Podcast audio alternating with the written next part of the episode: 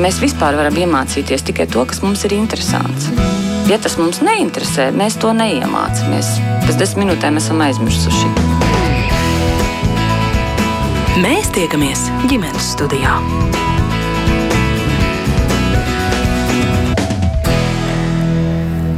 Labdien, jā, rādījums ģimenes studija sāk savu skanējumu, un jūs sveicināta producente Ilza Zvaigzne, un mans vārds ir Agnes Linka.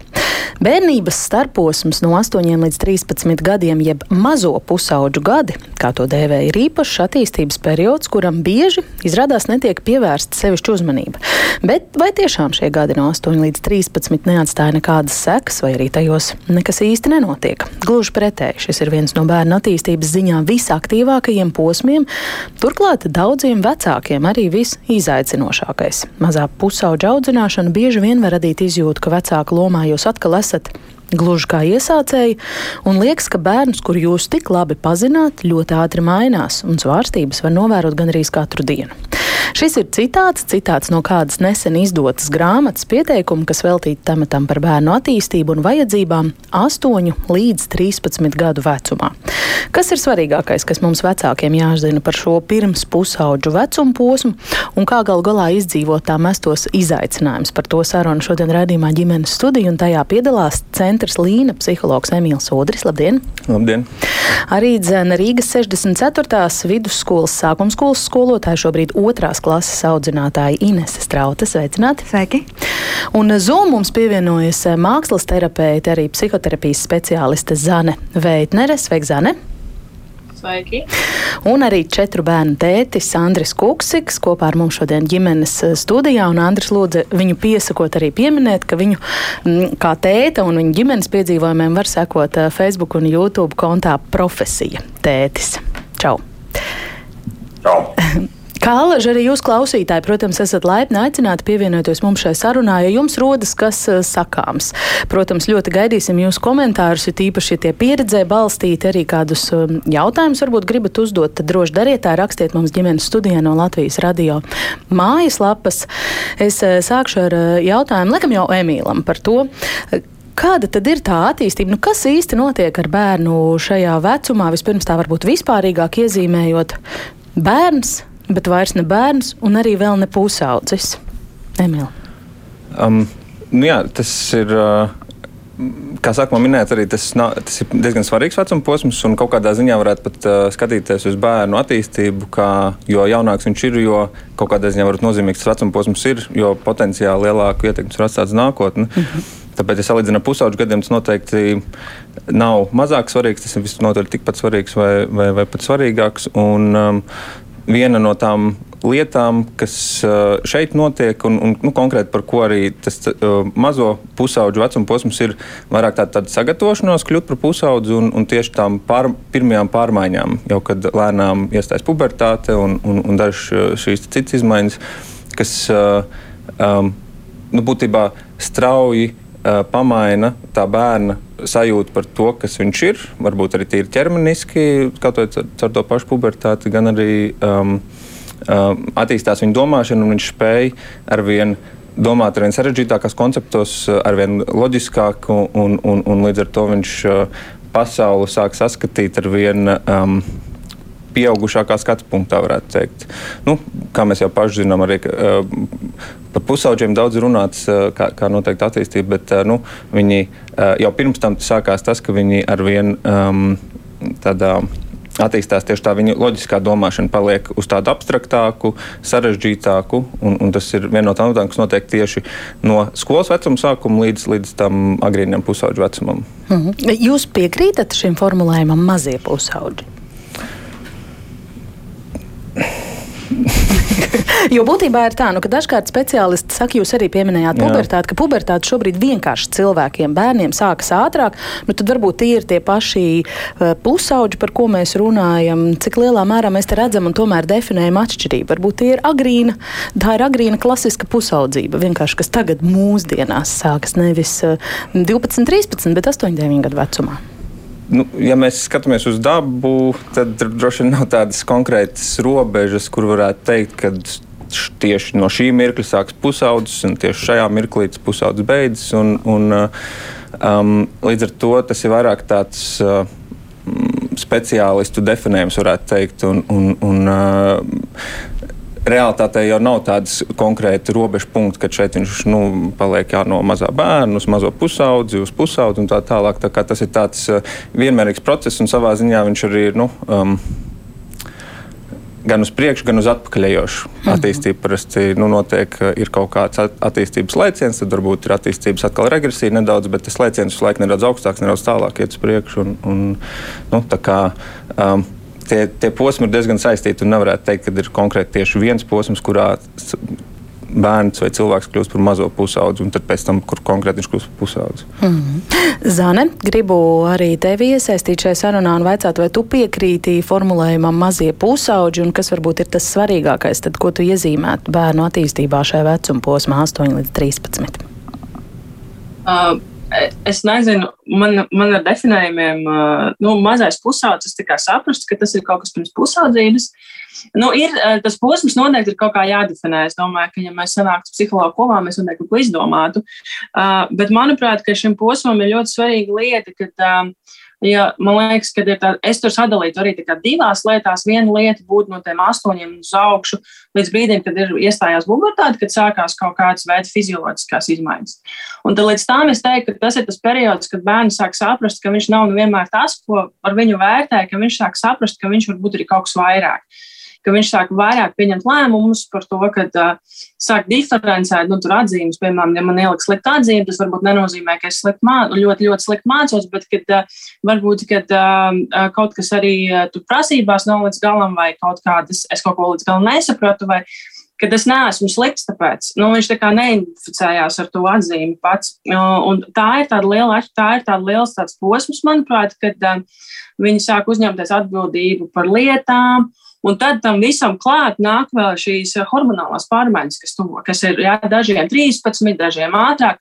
Nu, un tad, ja, ja intelekts mums, protams, bērnam ir tāds, kāds viņš ir, un nāk šie instinktīvie impulsi, ja, tas komplekss, protams, ir burvīgs. Un vecākiem tas, protams, ir ļoti sarežģīts vecumposms, tāpēc, ka viņš tiešām šie jaunieši un bērni, viņi ir ļoti taisnīgi, viņi ir kaut kādos savos principos ļoti ietiepīgi un ļoti tādi stingri, un tas patiešām ir tā kā visu vai neko stāvoklis. Plus viņiem vēl ir šīs instinktīvās pārmaiņas. Viņi ir visu laiku mainīgi. Un uh, es domāju, ka vecākiem arī, man arī kā vecākam, tas reizēm pašai ļoti grūti. Viņi patiešām ir ļoti, nu, viņi uzrauj tas ļoti spēcīgas emocijas, šos instinktīvās lietas, jā, jo viņi mācās ar tiem apieties. Un man liekas, ka to es vismaz arī savā praksē esmu novērojis, ka ir starpības starp tiem ir jauniešiem. Un nu, arī šobrīd ir ļoti arī šis, es domāju, ka tas skar ļoti daudz jautājumu par identitāti vai par seksuālu identitāti ka tas vēl ir tāds vecuma posms, kur visi vairāk vai mazāk ir vienādi.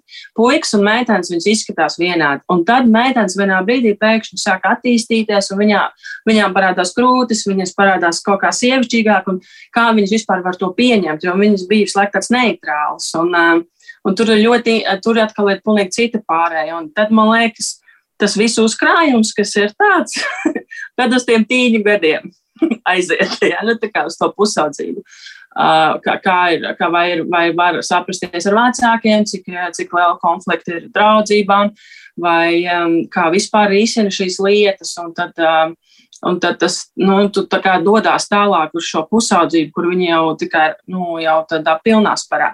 Tā kā, manuprāt, tās, priekš manis tās būtu svarīgas tādas nu, tā divas lietas aspekti, ja tu man prasi par mazo pusaudzību. Uh, Jā, pusaudzība vēl pirms pusaudzības, teikšu tā. Jā. Lidija mums raksta, kāda klausītāja. Tieši vakar ar vīru nosmējām, ka mājās mums ir mazais pusaudzis, astoņi gadi, pirmā klase. Pilnīgi kontrasti. Vienu dienu vajag gulēt kopā ar mammu un tēti, jo tā ir drošāk, bet pusstundu pirms tam ir kaut kāda izteiciena un sprēgāšana, kas vairāk raksturīga pusauģiem. Mēs mēģinām pierast, kas cits atliek, tā raksta um, Lidija. Uh, Andri, gribu iesaistīt arī tevi sarunā jūsu ģimenē ir eh, puikam 9 un meitai 12. Pareizi? Tas ir. Jā. Jā, jā. Vai šis no jūsu vecāku perspektīvas ir tāds mierīgs periods, vai varbūt tas miers ir mānīgs? tas ir galīgi mānīgs. Bet jāsaka, ka labi, ka ir tāds pārējais periods, ja, kad ir tas, ka vienā dienā viņš izrāda tos kaut kādus pieaugušā, kaut kādus izgājienus, un otrā dienā ir maziņš, līdz ar to arī mēs varam adaptēties. Ja? Bet nu, mierīgi tas nav. Mm. Ko jūs kā vecāki novērojat? It kā maziņš, un it kā vēl neliels. nu, viss pakārtā. Nu, traki ir, jā, nu nāk ārā tas, kad viņiem parādās savas prasības, savas prasības, savas tiesības. Viņi tur sāk, kā saka, kačāt, ja, un nepakļaujās tur kaut kādām mūsu noteikumiem.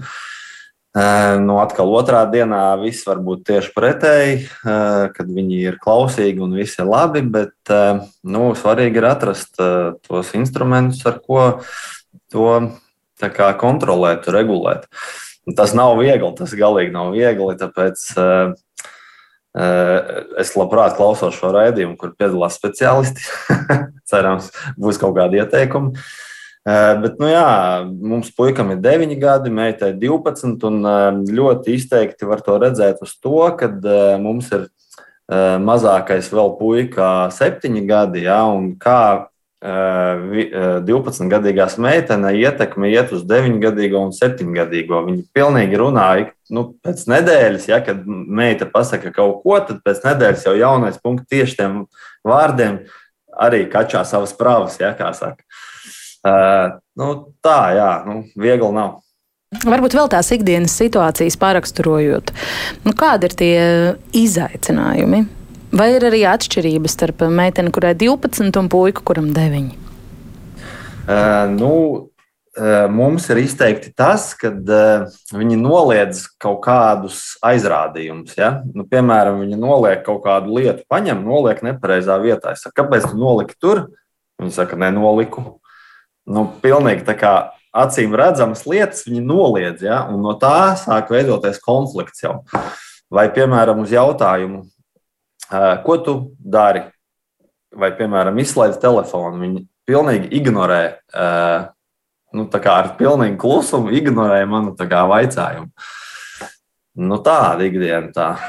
Bet kā jūs to sev skaidrojat? Jūs tomēr arī vēl tā kā par tiem definējumiem runājot, jūs saprotat, ah, nu viņi jau mums ir gandrīz pusauģi, vai tomēr saprotat, ka nav vēl tādi īsti tīņi ar tādu nenormālu protestu?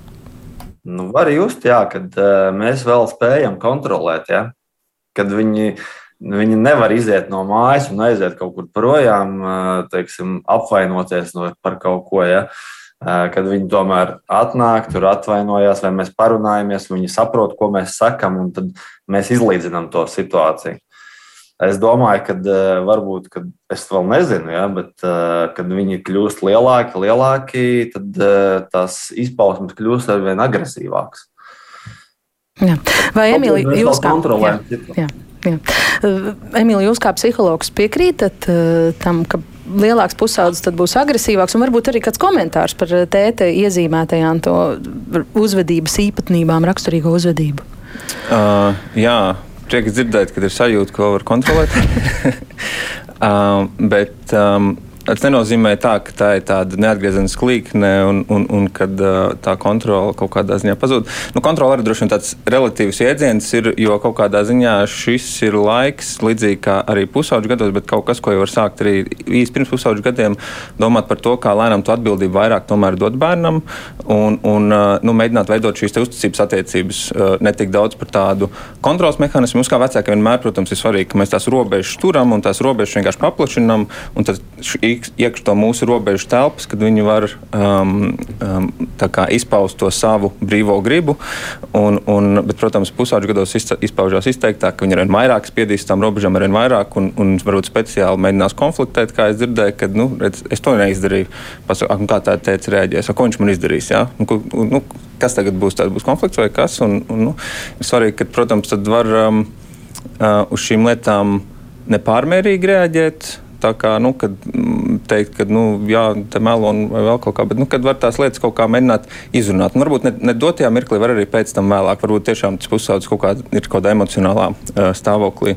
Bet uh, nu, noteikti nav tā, ka agresija paliek uh, lielāka. Īstenībā uh, ir pietiekami tādi uh, pamatot pētījumi, kur, kur uh, redzams, ka tā agresija patiesībā mūža garumā gandrīz jau no bērnības ir patiesībā visaugstākā jau pavisam mazos gados. Jo vienkārši tad tas mazs bērns ir un, un grūti to pateikt, jo bet viņš gan sita, gan bļauj, gan kož, gan vēl kaut ko. Un, un tad, tā kā tas ir mazs bērns, tad liekas tā kā. Nu, tā, nu, strūns ar to, bet tad tas eh, bērns pieaug, viņš paliek spējīgāks. Un, tad, protams, agresija liekas uzreiz, ka pieaug agresija, bet patiesībā īstenībā tā agresīva uzvedība samazinās dzīves laikā. Mm -hmm. nu, vismaz domājot par to agrīno um, attīstības periodu. Mm. Zane, tev klausoties eh, sarunu biedru teiktajā, gribas varbūt ko piekomentēt? Es arī man tādas dažas situācijas atnāca prātā, bet es domāju, ka tas ir ļoti interesanti, kā, ir, kā mēs kļūstam protams, no ļoti direktīviem vecākiem, nu, kas ir ma mazākiem bērniem ļoti svarīgi, uz regulējošiem vecākiem. Tam ir ļoti svarīgi saprast, Jo šeit ir ļoti jāsaprot, ka tad, kad jaunieci, kā tur bija, teica, to pudeli noliek, jā, vai noliek, šeit nav jautājums, eh, kurš no mums ir galvenais. Ja mēs sākam strīdēties, mēs principā to strīdu esam zaudējuši. Jo nu, eh, mēs varam sākt argumentēt, un mēs iekarstam, un tad sākās visāds jūs tu man necieni, bet šeit ir vairāk jautājums, par ko ir stāsts. Vai man ir svarīgi šobrīd dominēt par to bērnu, vai, ah, labi, tu nenoliki, fine, ja? bet kaut kā runāt par to, par noteikumiem. Man ir ļoti klasiski, man ir 13-gadīga meita, ne 14, nu jau palika, ja decembrī. Viņai ir tāds skatiens, es ienāku istabā un ir skatiens. Es ne, un es jūtos vainīga par visu, kas man dzīvē ir noticis. Bet izrādās bērnam ir bijis emocionāls brīdis, ja? un es viņai saku, nu, tu gribi ar to parunāt, nē, vispār ko tur katru. Un, um, un uh, es saprotu, ka ir jādod laiks un telpa, jo tajā brīdī, ja sāk uzbraukt, nu, tā kā iet ar tādu spiedienu, tad ir, tāds, um, tad ir šī agresija. Uh, es piekrītu kolēģiem, ka viņi sāk paust agresiju vārdos, un mums, uh, pieaugušajiem, tas liekas kā pretestība. Nu, tā kā tie vārdi, agresīvi vārdi vai nē, vai vēl kaut kā liekas kā apvainojums. Nu, jā, es, es domāju, ka šis ir vecuma posms, kad ir ļoti svarīgi noteikumi un viņu pamatojums. Uh, es savam deviņgadīgajam puikam nevaru pateikt, ka tu nevari skatīties telefonā, tāpēc ka es to negribu. Man viņam nākās skaidrot, kad, um, kāpēc es neļauju viņiem ar draugiem, ka viņi atnāk pie mums skatīties telefonu, tāpēc ka viņiem ir vajadzīgas prasmes spēlēties. Man gribētos, lai viņi spēlējās. Un tad viņi reizēm taisa teātri, kad es ienāku. Tad viņi taisa teātri, viņi sāk. Um, tā teikt, um, spēlēties, bet tad ar laiku es jūtu, ka, viņos, uh, ka, viņu, ka viņiem sāk, sāk patikt. Um, tas Tā, kaut ko Zane mums uh, piespied, droši vien būs jāmēģina atjaunot ar viņu savienojums. Cerams, ka tas izdosies. Tad vēl gribētos precizēt, kas tie direktīvie un regulatīvie vecāki, vai ne? Mums būtu droši vien dažiem te interesanti noskaidrot uh, tikmēr, kamēr savienojums atjaunojas. Ā, ir Zane! Es atpakaļ. Jā, es jā. Atvainojos. Pavisam jā, īsi, pirms es eh, dodu skolotājai vārdu, es gribēju tev vēl pajautāt, palūgt eh, īsi, īsi varbūt parasto cilvēku valodā izstāstīt, kas ir direktīvie, kas ir regulatīvie vecāki. Kam jā, kam nē? Nu, piemēram, eh, ir viens, un tagad, nezinu, noliec tur vai, vai ignorējot to saprast, ka viņš ir dusmīgs un mēģināt kaut kā, nu es to daru parasti ar caur joku ah, nu redz, kā mums tagad, nu, es skatos, ka tas ir dusmīgs, labi, es ar tevi tagad nerunāšu, man ir lieta, ko es ar tevi gribu parunāt, es parunāšu, es nekaitinu viņu speciāli. Jā, nu, kā, um, un, un nav jau arī tā krūze man tik nenormāli svarīga, lai es tagad par to strīdātos. Tad, kad viņas sakrājās tur 20, es saku, nu, redz, cik interesanti, kā mums tās krūzes tā krājās. Neviens vai viņas tur kā, nenoliek, vai ne? Darīt? Bet viņas tur krājas. Ko tagad darīt? Klausies, nav no kā dzert, jā. Nē, es nezinu, kāda ir jums risinājumi, piedāvājumi, jā. Nu, protams, tas ir tāds ideāls variants, nevienmēr man arī strādājot nogurušai būdamai tas sanāk, bet tas parasti strādā vislabāk. Ar mazo puiku es eju cīņā, es fiziski ar viņu spēlējos, draudzējos un tā, un viņam tas ļoti patīk. Un vēl ko es esmu secinājis, ka jauniešiem, manai meitai, piemēram, ļoti patīk, ka par viņu rūpējās tādā ļoti īpašā veidā, ļoti īpašu tēju noliek, kad viņa mācās, ka es par viņu parūpējos. Un tad viņa savukārt var kaut kādā brīdī man neuz, ne, nedusmoties uz maniem. Ja? Bet tur tās prasības reizēm ir, nu, piemēram, apsedz mani 11. vakarā. Kā, ko labi, es apsadzu, es nejautāju. Un tad nokaušā rītā bērns man brokastis pats uztaisīja. Nu, jā. ja, un, un tas atmaksājās, bet tam patiešām vajag ļoti lielu pacietību un saprot, saprast, ka mani, ar mani nekonkurē, ka mani neizmanto. Ja? Un tā ir, nu, ir darbs ar sevi liels, es domāju, ka vienam vecākam. Nu, 13 un 14 uz augšu, tur vēl cita opera tiešām un derīgos padomus. Es jūtu, ka tu varētu klāstīt, bet es skolotāju Inesē strautē, kas ir ilgāku laiku klausījusies un pacietīgi gaidījis savu iespēju tikt pie vārda, arī gribu jautāt mazie pusauģi, kā ar šo vecumu vecumposmu saistītās pārmaiņas jūs eh, saredzat savos eh, skolēnos pirmā un otrā klase? Ir tā atšķirība. Atnāk viņi tādi seši vai septiņi gadīgi, un tagad viņiem visiem paliek astoņi un deviņi. Ko jūs novērojat skolā? Jā, uh, ja mēs runājam par pirmo klasi, tad tur jau skaidrs ir tāda diezgan dziļa, liela bērnība vēl iekšā, un viņi ir bērnišķīgi, un, un visi balstās uz rotaļu. Un, un viņi pamazām sāk draudzēties ar saviem jaunajiem draugiem. Tad, uh, atnākot uz otro klasi, nu, turpinot otro klasi, uh, tas sākuma posms arī varbūt vēl ir diezgan bērnišķīgs. Bet man kaut kā šķiet jau um, ar esošo klasi atkārtot, kad pēc tā jaunā gada, kad mums ir bijušas divas nedēļas pauze, ka viņi atnāk tādi mazliet jau nobriedušāki, tādi pārliecinātāki un arī. Reizēm pat šķiet, ka viņi pat ir paaugušies krietni. Ja? Skaidrs, ka tas lielais lēciens būs pēc vasaras, Bet, jā, un tu sāc pamazām, pamazām just, ka tur varētu būt mazā pusauģa iezīmes. Jā. Mm. Kādas jūs tās novērojat? Uh, laikam jau galvenokārt uh, es gribu būt patstāvīgs. Un, ja mana mamma un tētis dod man to iespēju būt patstāvīgam, tad es tāds esmu. Un, laikam saviem vecākiem es gribu teikt lielu paldies, ka jā, viņi diezgan daudz uh, dod šo iespēju, kas uh, bērnam ir ļoti svarīgi. Viņam uzticās un uh, uz viņu paļaujas, un, un tas viņam uh, ļauj plēst spārnus ja, un, un tādu pārliecību par sevi. Protams, tur nāk varbūt šis tas līdzi vēl. Uh, pārāk liela uzticēšanās savukārt noved reizēm pie dažādām problēmām mācību procesā, kad uh, māma vairs nepārbauda mājas darbi vai ir izpildīti, bet tomēr otrā klase un tāpat vēl trešā un ceturtā, un es pat domāju, pat līdz sastajai klasē, nu tā, tas, tā roka uz pulsa ir jātur diezgan Un, un ja tu iedod tādu pārāk lielu brīvību, tad, tad ir es aizmirsu, man nav. Un ko tu man tagad izdarīsi? Ja, ja ir bērni, kas ir nu, tādi daļrunīgāki, ja? tad, tad tā tieši tā viņš arī saka, ko tu man tagad izdarīsi. Un, un kā teica kolēģi, tad nevis iet ar agresiju virsū, ja nu, tagad tev būs slikti un tā tālāk.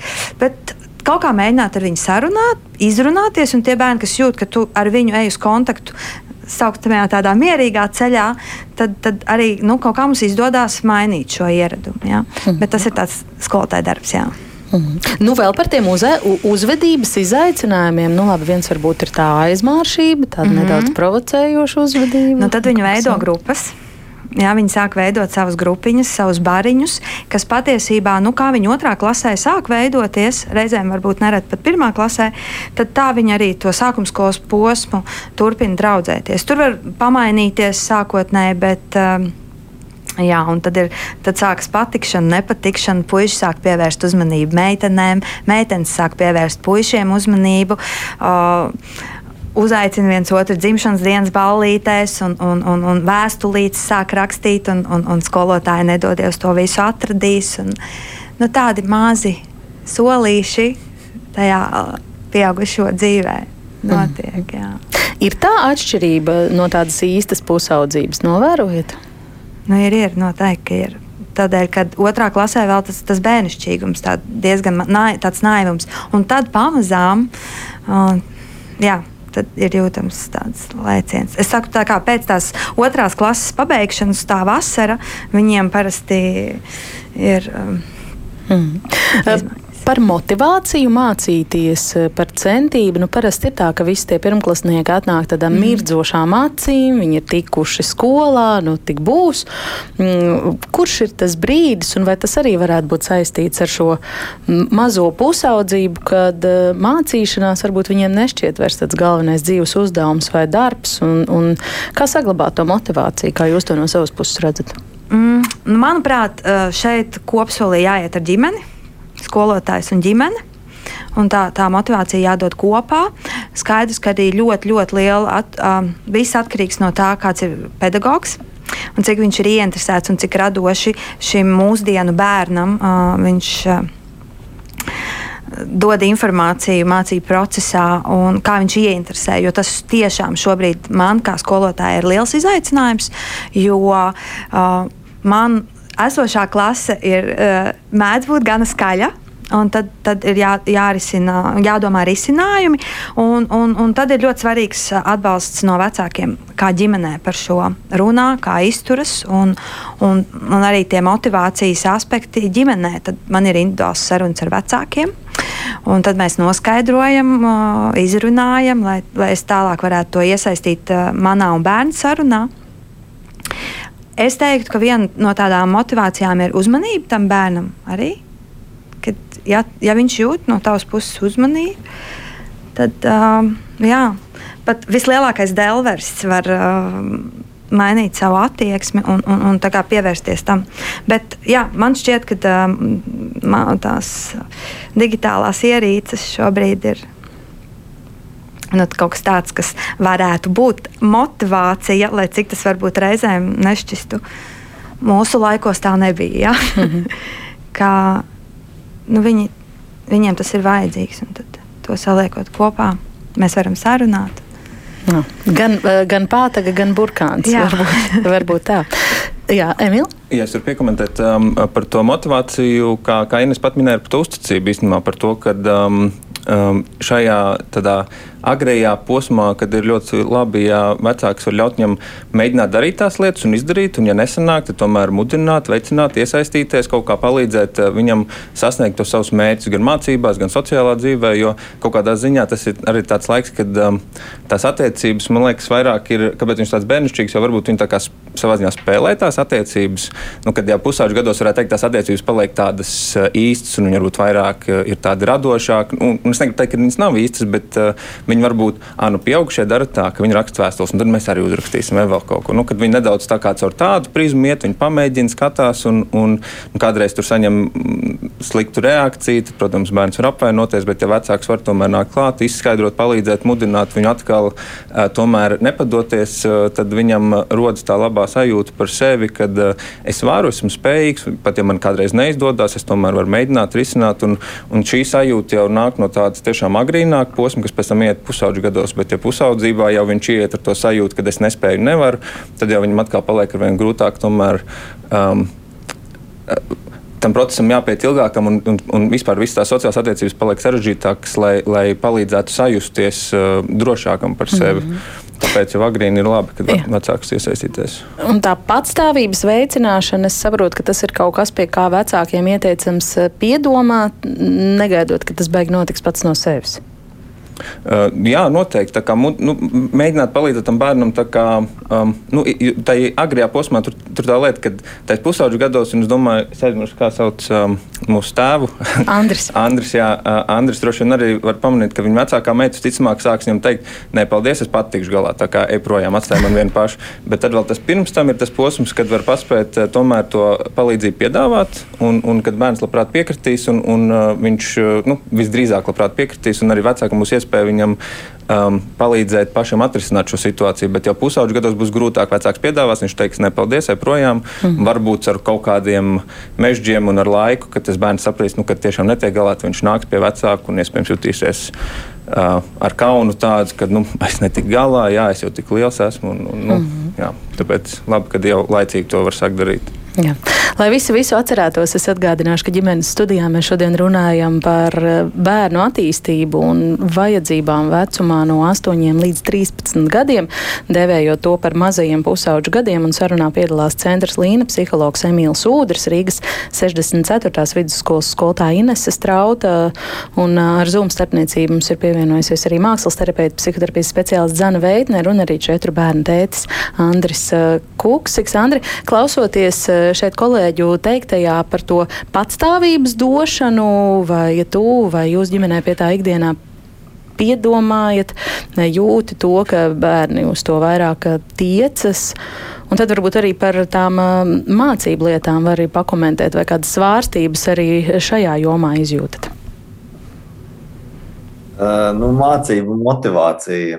Nu, Salavecīts visu redz, uh, jāsaka.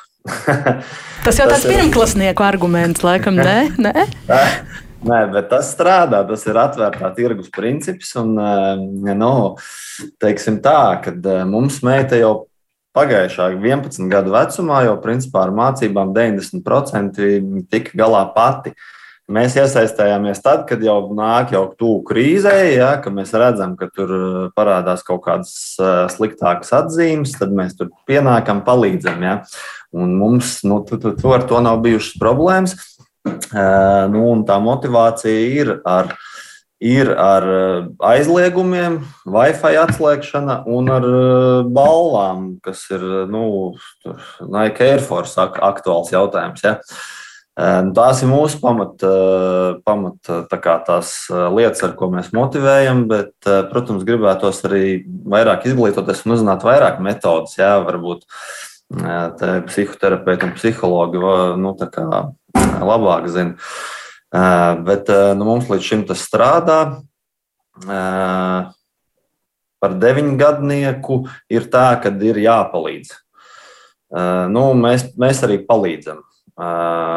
Nu, arī ir tāds novērots, ka 12 gadnieks sāk noliegt kaut kādu vajadzību pēc kaut kā, Piemēram, mēs tagad eh, mēģinām iemācīties spāņu valodu, eh, bet viņi nu, kategoriski noliedz, ka viņai tas mūžā nekad nebūs vajadzīgs, un paldies, paldies par pīrāgiem. Eh, bet ar to mēs, mēģinām, nu, to mēs mēģinām atkal skaidrot, un es praksē mēģinu viņiem, piemēram, veikalā dot naudu, jā, lai viņi paši rēķina, cik viņiem tur pietiks, lai kaut ko nopirktu.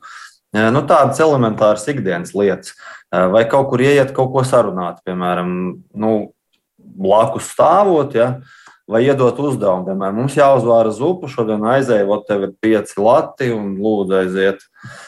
Tev tur nu tā, nu, tā kā mēģinam, un tad, tad viņi saprot, ka tur matemātika jāvajadzīga ikdienā, un tad tā vai to pašu nu, valodu. Tur arī, piemēram, raksta kaut kādus uh, darbus, jā, un tad mēs izlabojam, un tad paskaidrojam, paskaties, cik tev kļūdas, lai uzrakstītu pareizi. Tev vajag nu, tur iziet to kursu kaut kādu. Ja.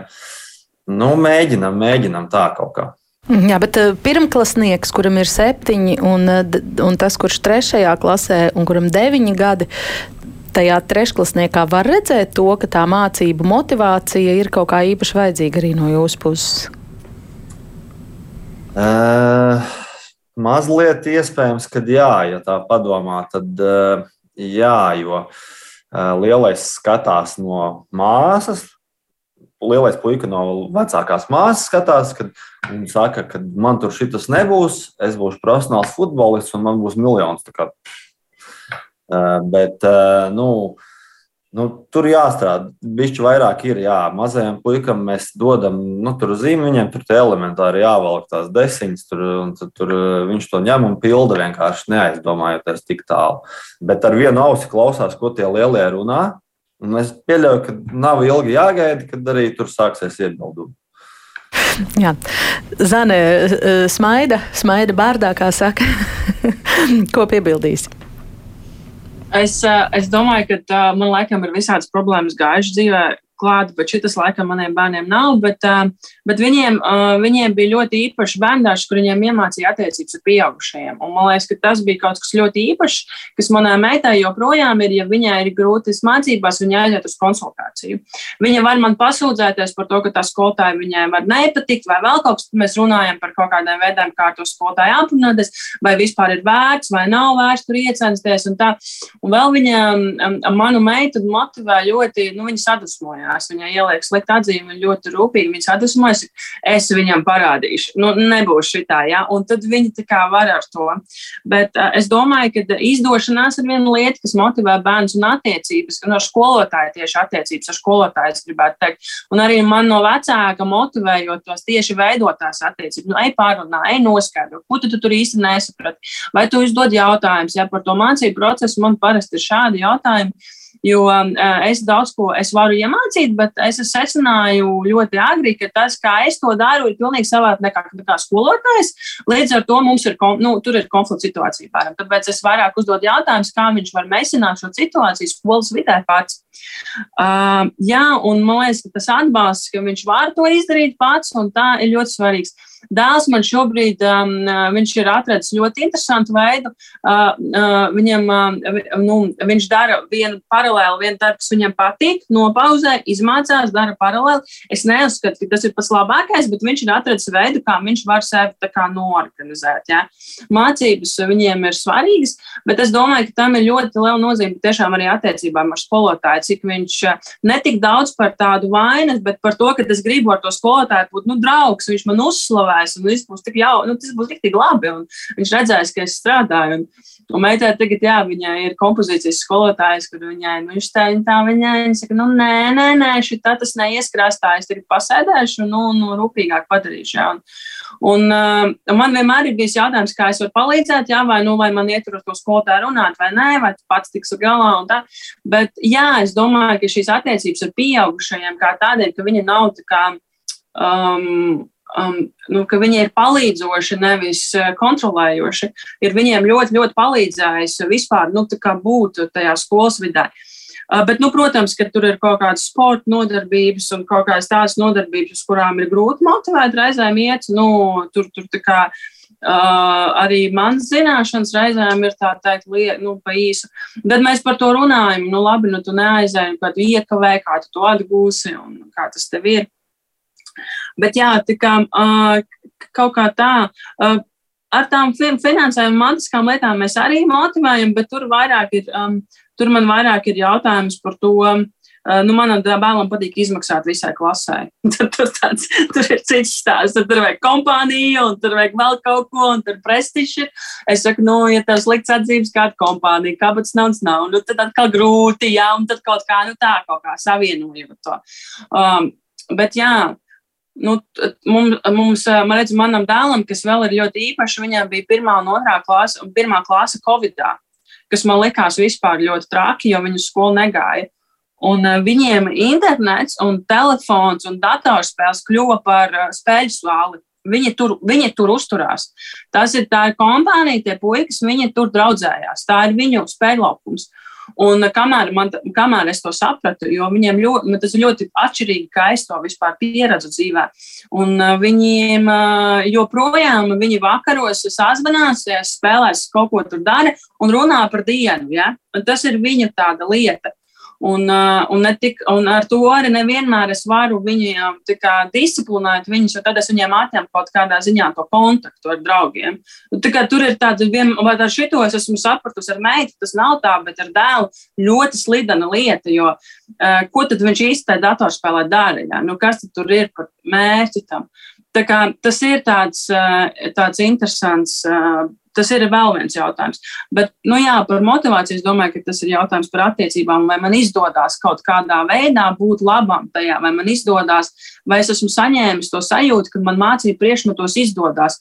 Un to var ļoti labi redzēt. Atnāk jauns skolotājs, viņš daudz ko dara, viņa iesaistās. Mūzikas skolotājs bija Vilhelmam pagājušajā gadā jaunāks. Uh, Viņš tur viņiem sāka, viņa bērni nāca, es gribu šito dziesmu iemācīties, dziedāt, spēlēt. Viņš ļoti paņēma, un tie bērni bija ļoti motivēti tur iet, jo viņi bija iesaistīti tajā procesā. Bet, nu, protams, ne jau visās mācību priekšmetos tas ir iespējams, bet, nu, jā. Kaut kā tā ir. Vienkārši sakot, forši skolotāji ir vajadzīgi visos vecumos, protams, bērniem. Kā 1. tā 12. klasē, Ines, klausoties Zanes vai Andra teiktajā, ir kaut kas, ko jums no savām profesionālajām pozīcijām vēl gribētos piebilst? Nu, pilnīgi simtprocentīgi piekrist par jauko skolotāju. Nu, to, ka skolotājs diezgan lielu lomu spēlē. Un, ja tu būsi tāda savu veidu uzticības persona, to droši vien izvērtēs pats bērns tajā brīdī. Tad tā droši vien skolotājiem varētu būt veiksmes atslēga. Mm -hmm, es nolasīšu kādas klausītājas jautājumu. Uh, Annika mums raksta, nesen lasīju, ka šis ir laiks, kad bērnos var redzēt mazajā vecumā neizdarīto. Man šobrīd aktuāls jautājums ar emociju kontroli. Meitai ir tāda sajūta, ka ja netiksim galā ar to šobrīd, deviņos gados, tad vēlāk būs vēl lielāks ziepes, varbūt speciālisti var ko pakomentēt sīkāk. Emīl? Um, neizdarītais šajā vecumā īpaši iezīmējas? Jā, nu tas tā, um, tāds plašs jautājums. Man liekas, jau nu, kaut kādā ziņā, nu, kā jau es teicu sākumā, kad arī tas viss, viss iepriekšējie gadi kaut kādā ziņā atspoguļojas arī vēlāk kaut kad un uh, potenciāli tas tā varētu būt. No, bet no otras puses tā domā, nu. Um, Tas ir laiks, uh, nu, gan pirms pusauģa, gan pusauģa gadi, kad uh, nu, tā emocija regulācija prasme bērniem nu, nav īpaši liela, tā ka viņi varētu ļoti labi pateikt par to, kas ar viņiem notiek un ko viņiem vajadzētu darīt. Un, un tā, um, es domāju, ka nu, ja tās ir tādas, tādas pārmērīgi liels un netipisks situācijas, kurām tiešām nevar tikt galā. Un, un, un, un tad ir, nu, iespējams, ir vērts domāt par speciālistu iesaisti, kad, nu, piemēram, lai saprastu, vai, vai tas ir ar ko tas saistīts. Jo, protams, tā bērnu uzvedība visbiežāk jau ir, ir kaut kāds iemesls, kāpēc viņš tā rīkojas, vai kaut kāda sajūta vai, vai, vai pārliecība par sevi, par vecākiem, ko viņš. Nu, um, ka kaut kas nenotiek viņa dzīvē, vai, un, un ka viņš to izlādē caur savām emocijām, caur, caur, caur savu uzvedību. Tādā veidā viņš signalizē, ka man ir problēma, man es ar kaut ko netiek galā, un, un, un nu, jau tālāk pie speciālista principā var mēģināt risināt un saprast, kur, kur tā problēma slēpjas. Mm. Bet šajā vecumā ir eh, pamatoti tas, ka tāda emociju izvirduma un emociju kontrola varētu vispār būt problēma kā vecuma norma. Man liekas, ka Zana kaut ko tādu pieminēja par tām uh, pašā, pašā sākumā. Tu teici kaut ko par. Es, es, es domāju, ka tā ir ļoti svarīgi, nu, ļoti grūti tādos plašos jēdzienos runāt, bet ir ļoti svarīgi saprast, vai tas bērns vienkārši septiņ, piecos gad, nu, septiņos gados vai astoņos ir dusmīgs par to, kas viņam nedod telefonu, vai tur ir noticis, piemēram, ir uh, meitenē sākušās to līdz mēnešais, un viņa, piemēram, jūtas nenormāli skumji vienā vakarā, un bez nekāda iemesla. Tām ir pilnīgi cita diferenciācija. Nu, tas ir Tā ir viena lieta. Uh, vēl ko es gribēju teikt, ka tās emocijas, uh, protams, ka viņas staigā un vispār jau, man, lai kolēģis varbūt man pielabo, bet tie pētījumi jau pierāda, ka tās emocionālās smadzenes tomēr vēl briest līdz 25 gadiem. Tā kā tās prasmes jaunās mēs viņiem dodam un dodam un dodam ja, visu laiku. Un viņas ir kaut kādos brīžos spilgtākas un kaut kādas nē.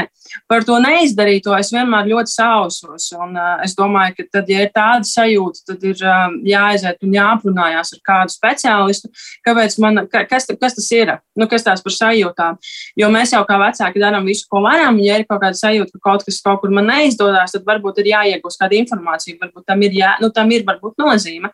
Bet eh, bērni vienkārši apgūst jaunas prasmes. Un, uh, un viņiem um, ir kaut kādas prasības, kas viņiem nav, un viņi viņas apgūst. Un vēl es esmu piedzīvojis arī tādu fenomenu, ka šajā vecuma posmā uh, šiem bērniem liekas, ka viņiem pazūd prasības, ko viņi jau mācīja. Viņi tā kā aizmirst kaut kādas prasmes. Un tā, tas ir ļoti interesants moments, ka tā, tā psihe attīstās, viņi grib kaut ko iemācīties jaunu, bet tās bazā, tā, kaut kā piemirstās tās pamatlietas. Ja. Tikai tas var būt ļoti sarežģīts posms priekš vecākiem. Es iesaku iet uz konsultācijām tajā brīdī, kad ir tā sajūta, ka neizdodas, kad ir pat daudz man kā vecākam tad uh, tieši vecākam aiziet aprunāties par to, kas ar mani notiek, ja, kā tas man ir. Un, uh, un tad skatīties, vai tam bērnam vajag terapiju vai nē, vai, vai tam vecākam vajag, tikai tam ir liela nozīme. Bet es, es, pie, es ieklausītos sevī. Ja man būtu šāda sajūta, es sevī ieklausītos par kaut ko tas stāsta. Iespējams, ka sasaistē ar eh, Zanes nu pat teikto par tām prasmēm, kas aizmirstās. Eh, varbūt, ka ne Agnete raksta, bērnam ir astoņi gadi, šausmīgi daudz šobrīd sanāk skaidrot, ka ne visu, ko saskatās YouTube, var dabūt dzīvē. Piemēram, trīs suņus mājās, uztaisīt trīs dažādas raķetes, kas reāli lidos, magnētu pilsētu un tā tālāk. Man pietrūks brīžiem ideju, kā šo visu skaidrot, jo mēs bērnībā neko tādu nezinājām, neko tādu negribējām. Emīlija, ir kāds komentārs atbildi varbūt? Um, man kaut kā asociējas šis teiktais ar um, tādu vecumposmu īpatnību, ko sauc par tādu konkrēto domāšanu tajā laikā, kad viņiem liekas, nu, ja, nu, kad, kad gribās tā ļoti konkrētās lietas. Nu, ja, ja reiz tas tā ir iespējams, vai viņš redz, ka kaut kas ir iespējams, nu, tad nu, kāpēc nē? Tad viņam tā kā grūti saslēgt to. Um, realitāti pieslēgt tajā mirklī klāt. Un, un tas ir kaut kas, ko nevar tā vienkārši ieskaidrot bērnam tajā vecumā. Tas ir kaut kas, ar ko ir nu, faktiski jāmēģina. Uh, Sadzīvot, bet droši vien tādā labā veidā, kad mēģināt varbūt, izprast, nu, tad, nu, kas, kas, kā viņš plāno to dabūt, varbūt, kāds ir viņa nākotnes plāns, vēl kaut kas. Un, un, nu, drīzāk to caur tādu uh, spēli. Es iztēlojos, to varētu risināt. Uh, bet uh, tā, ka viņš varētu saprast, ka viņš nedabūs to miljonu vai nekļūs par zvaigzni, es domāju, ka tajā laikā ir, uh, nu, būs grūti, ja ne neiespējami bērnam likt to saprast. Un, un es nezinu, vai tas ir vajadzīgs, bet tas ir kaut kas noteikti, ko viņš laika gaitā iemācīs. Sapratīs, teiksim, no tiem 11, 12 gadiem, tad viņiem uh, pamainās šī spēja, uh, nu, pakāpeniski līdz tam laikam pamainās spēja uh, saprast abstraktākas lietas, sarežģītākas lietas, kuras uh, nu, Uh, kuras, teiksim, ja es redzu, ka kaut kas ir iespējams, es saprotu, ka varbūt tas nav nemaz tik vienkārši, kāds patiesībā varētu sākumā šķist. un, un, bet, teiksim, tādā agrākā posmā to būs grūti uh, pateikt bērnam, izstāstīt mm -hmm. to mhm. visu tā, ka viņš sapratīs. Viņš teiks, jā, jā, jā, jā bet nu, tas, ka tas tiešām ir ļoti grūti un neiespējami, to viņš tā pa īstam varbūt tur nesapratīs. Mm -hmm. Mēs uh, arī noskatījāmies uh, pasaules futbola čempionātu, un arī man mājās viens topošais uh, miljonārs un futbola zvaigzne, ar kuru arī nāks ik pa laikam risināt līdzīgas sarunas. Tā kā tiksimies eh, stadionos. Eh, Sāra Sokvēlis šajā grāmatā pa vidu, kas iedvesmoja mūs šajā sarunā ģimenes studijā, tur ir arī apskatīti šie vairāk praktiskie aspekti, mazā pusauģa, eh, gan ķermeņa izmaiņas, gan finansiālā pratība, kas arī jau nedaudz te jūs teiktajā ieskanējās, un, un ekrāna laika izaicinājumi varbūt vēl dažas minūtes ir atlikušas. Nu, kas ir svarīgākais, ko jūs varbūt akcentētu, pastāstītu šajos aspektos? tieši šim vecuma posmam eh, raksturīgās lietas vai tādas padomas vecākiem? Nu, piemēram, par tiem pašiem ekrāniem. Nu, šis vēl mm -hmm. nav uh, pusaudzis, kuram visa dzīve ir tajā viņa viedierīcē, nu, bez kuras vispār dzirdēju, atņemt pusaudzim telefonu. Tas ir kā, nezinu, tur žņaukt viņu vai griezt viņam vēnes, jā, apmēram tāpat. Bet šis it kā vēl nu, tā kā nebūtu tā. Kā uz to paskatīties? Nu, mūsdienās vispār laiks ir tāds, ka nu, tā, tik daudz kas notiek caur šīm viedierīcēm, un, un nu, kas visbiežāk man liekas vecākiem ir grūti saprast, cik tas var būt tomēr nozīmīgi pašiem bērniem un jauniešiem. Nu, jauniešiem, protams, ir vēl nu. nāk papildus faktors ar to sociālo vidi, ka viņi tur var, daudz vairāk var socializēties, un, un nu, pusauģu vecumā tas ir. Uh, īpaši svarīgi tieši šis socializēšanās faktors un tā viedierīce palīdz to darīt, kamēr bērni to var tomēr tiešām vairāk caur spēli un, un kaut kā kompānijās risināt. Un viņiem bieži vien tas tā viedierīce ir tiešām tāda izklaide, bet tomēr tas nenozīmē, ka tas nav svarīgi un, un tas var būt ļoti svarīgs. Varbūt veids, kā viņš tiešām var arī patiesībā justies labi vai justies kaut kādā ziņā, kaut kādā savā vidē, savā vietā. Un varbūt tā ir arī vieta, kur viņš var, kā mēs runājam, cik svarīgi ir viņam. Uh, gūt kaut kādus panākumus, eh, atrisināt problēmas, un, un caur šīm spēlēm jau viņš arī var iegūt arī šo sajūtu, ka, piemēram, viņam tur izdodas kaut kas, un viņš um, tur ticis vai nākamajā līmenī, vai atrisinājis kaut kādu uzdevumu, kas tur ir sarežģīts. Un, un tad ir uh, svarīgi jau laicīgi vecākiem uh, iesaistīties un, un runāt ar bērnu par to, teiksim, kas, tad ir, uh, kas tad ir tas, ko viņš tur dara, un, un kas viņam patīk tajā, un, un vai tas ir tas, ka viņš tur tiešām gūst tos panākumus, vai tas ir nezinu, kaut kāds izskats vai vēl kaut kas. Mm. Un, un vai, vai varbūt tās jau ir tās attiecības, kas tur ir ar citiem tiem vienaudžiem, nu, tad var domāt, teic, kā var, teiksim, um, nezinu, satikties ar viņiem dzīvē. Varbūt tie jau ir draugi, kas ir no klases visbiežāk tā man, man šķiet, ir, kad ir tie ir kaut kādi klases biedri vai draugi, ar kuriem viņi kopā spēlē. Bet, ja šī nav vēl tāds pusaudzis, kuram mēs tiešām ļaujam tur nu, pilnībā vaļu šajā digitālajā pasaulē, tad mēs kā uz to raugāmies? Liedzam, ierobežojam, Nu, tas ir uh, jāskatās, kā, kā, kā tas ir, kāds bērns tiek galā ar savām dzīves lietām. Nu, viens, protams, ir tas aspekts par uh, uh ilgumu, kad ir um, fiziskā um, kaut kāda um, tā, tās fiziskās attīstības problēmas. Varbūt ja viņš vienkārši ļoti ilgu laiku pavadīja sēžot pie datora, un uh, viņš nedabūja nedz izskrieties, nedz mācīties kaut kādas prasmes, kas ir saistītas ar, ar fiziskām lietām. Bet uh, nu, no otras puses, ja viņš uh, spēj tikt galā ar savām dzīves funkcijām un viņam ir normāls attiecības ģimenē, normālas attiecības ar draugiem, viņam ir aktivitātes, ko viņš nodarbojas. Nu, kaut kādā ziņā tas nu, ne, uh, nav slikti ja viņš sēž pie tā datora. Daudz vienīgi tas, ka tas tiešām var atspēlēties uz viņu to fizisko attīstību, traucēt tīri veselības ziņā uh, no vienas puses. Bet uh, nu, um, nav tā, ka būtu obligāti nezinu, tik daudz stundu dienā, ne vairāk, un, un, un ja vairāk, tad ir, tad ir ļoti uh, slikti. Bet, nu, uh,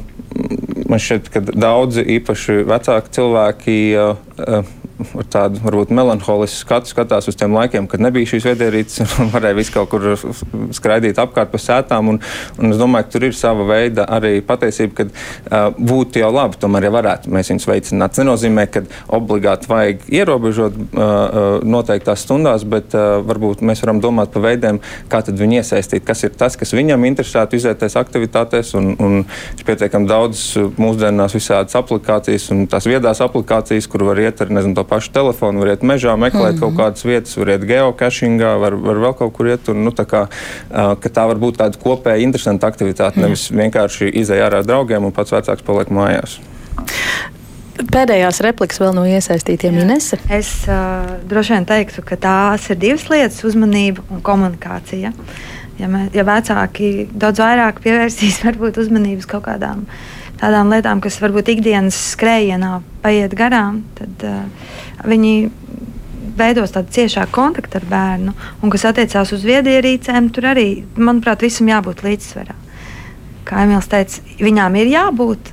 Bet bērnam ir arī jāzina, kas ir jēdziens muzejs, koncerti un tā tālāk. Nu, tam mm -hmm. visam tā kopā. Mm -hmm. Andri?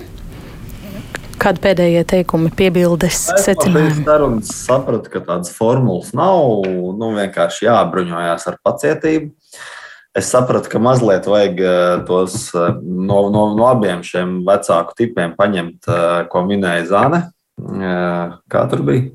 Direktīvie un regulatīvie. Jā. jā, jā, kaut ko no abām tur vajag izmantot. Un tad, nu, pēc 18 gadiem, tad, vai cik tur 25 gados nobrēs, tad skatīsimies rezultātu. Kas ir sanācis? Jā, jā. jā. Zan, tev pēdējais vārds minūtiņa palikusi. Nu, jā, es domāju, ka, liekas, ka nav tāds aizliegums jautājums par attiecību veidu. Es, um, es domāju, ja man uh, par, par telefoniem man ir, man ir tā, ka, ja uz maniem sāk kliegt, tad es runāju par to, ka kaut kas nav īsti labi. Kad, tu vairs nevari normāli runāt, tu esi tik daudz tajā telefonā, ka nav jau vairs labi tā komunikācija, ka kaut kas ar mums to nav. Un es vienmēr piedāvāju izvēles. Manam dēlam ir, vai taisam dīlu. Tas ir mūsu veids, kā mēs vispār kaut ko sarunājam, taisam dīlu. Un tad uh, mēs par to arī tā runājam. Jā, bet uh, kļūt par regulējošu vecāku vai vispār runāt par emociju regulāciju ir ļoti svarīgi. Es domāju, ka tur arī mums ir nepieciešams papildus prasmes. Un, uh, nu, kā, uh, tur būtu interesanti to pētīt, kā vispār vispār bērnu, kā vispār fizioloģiski mēs kā cilvēki reaģējam uz dažādām emocijām, jūtām, un kā tieši darīja arī bērni. Un tā, man liekas, ir tāda joma, kas ir ļoti jauna. Vismaz Latvijas vidē mēs, mēs, mēs apgūstam to šobrīd. Un to ir vērts kādreiz arī atnākt un tiešām par to runāt. Tas nav, tam nav jābūt ilgstošam terapijas procesam, bet tas var būt kaut kas, kur, uh, kur vecākiem ir vajadzīga atbalsts. Es domāju, ka tas ir tas, ko tiešām varbūt nevajag palaist garām, kur ir vērts par to runāt. Un man ir prieks, ka ģimenes studija par to runā, un arī rekrutē vecāki saka, mums ir sajūta, ka es palaidu kaut ko garām. Ja? Tas ir jautājums patiešām, jo tā informācija jau ļoti mainās. Jā. Bērni, visa tā informācija teorētiski arī psiholoģiski ļoti daudz mainās. Līdz ar to Uh, protams, sekot tam visam līdzi, Jā, zin... un reizēm liekas, ka es kaut ko palaidu garām. Jā, saka tev paldies. paldies, paldies, paldies, lai mēs varam noslēgt raidījumu. Zana Veitnera, Andris Kuksiks, Ines Strauta un Emīls Ūdrs. Man saruna biedra šodien uh, ģimenes studijā. Rīt mēs runāsim par to, kā ar teātra palīdzību mudināt jauniešus sastapties ar latviešu literatūras klasiķiem un kāds ir viņu darba vēstījums. Šodienas pusauģiem par to sarunāsimies ar izrādes divas pasaules veidotājiem. Tas ģimenes studijā rīt. Visu labu!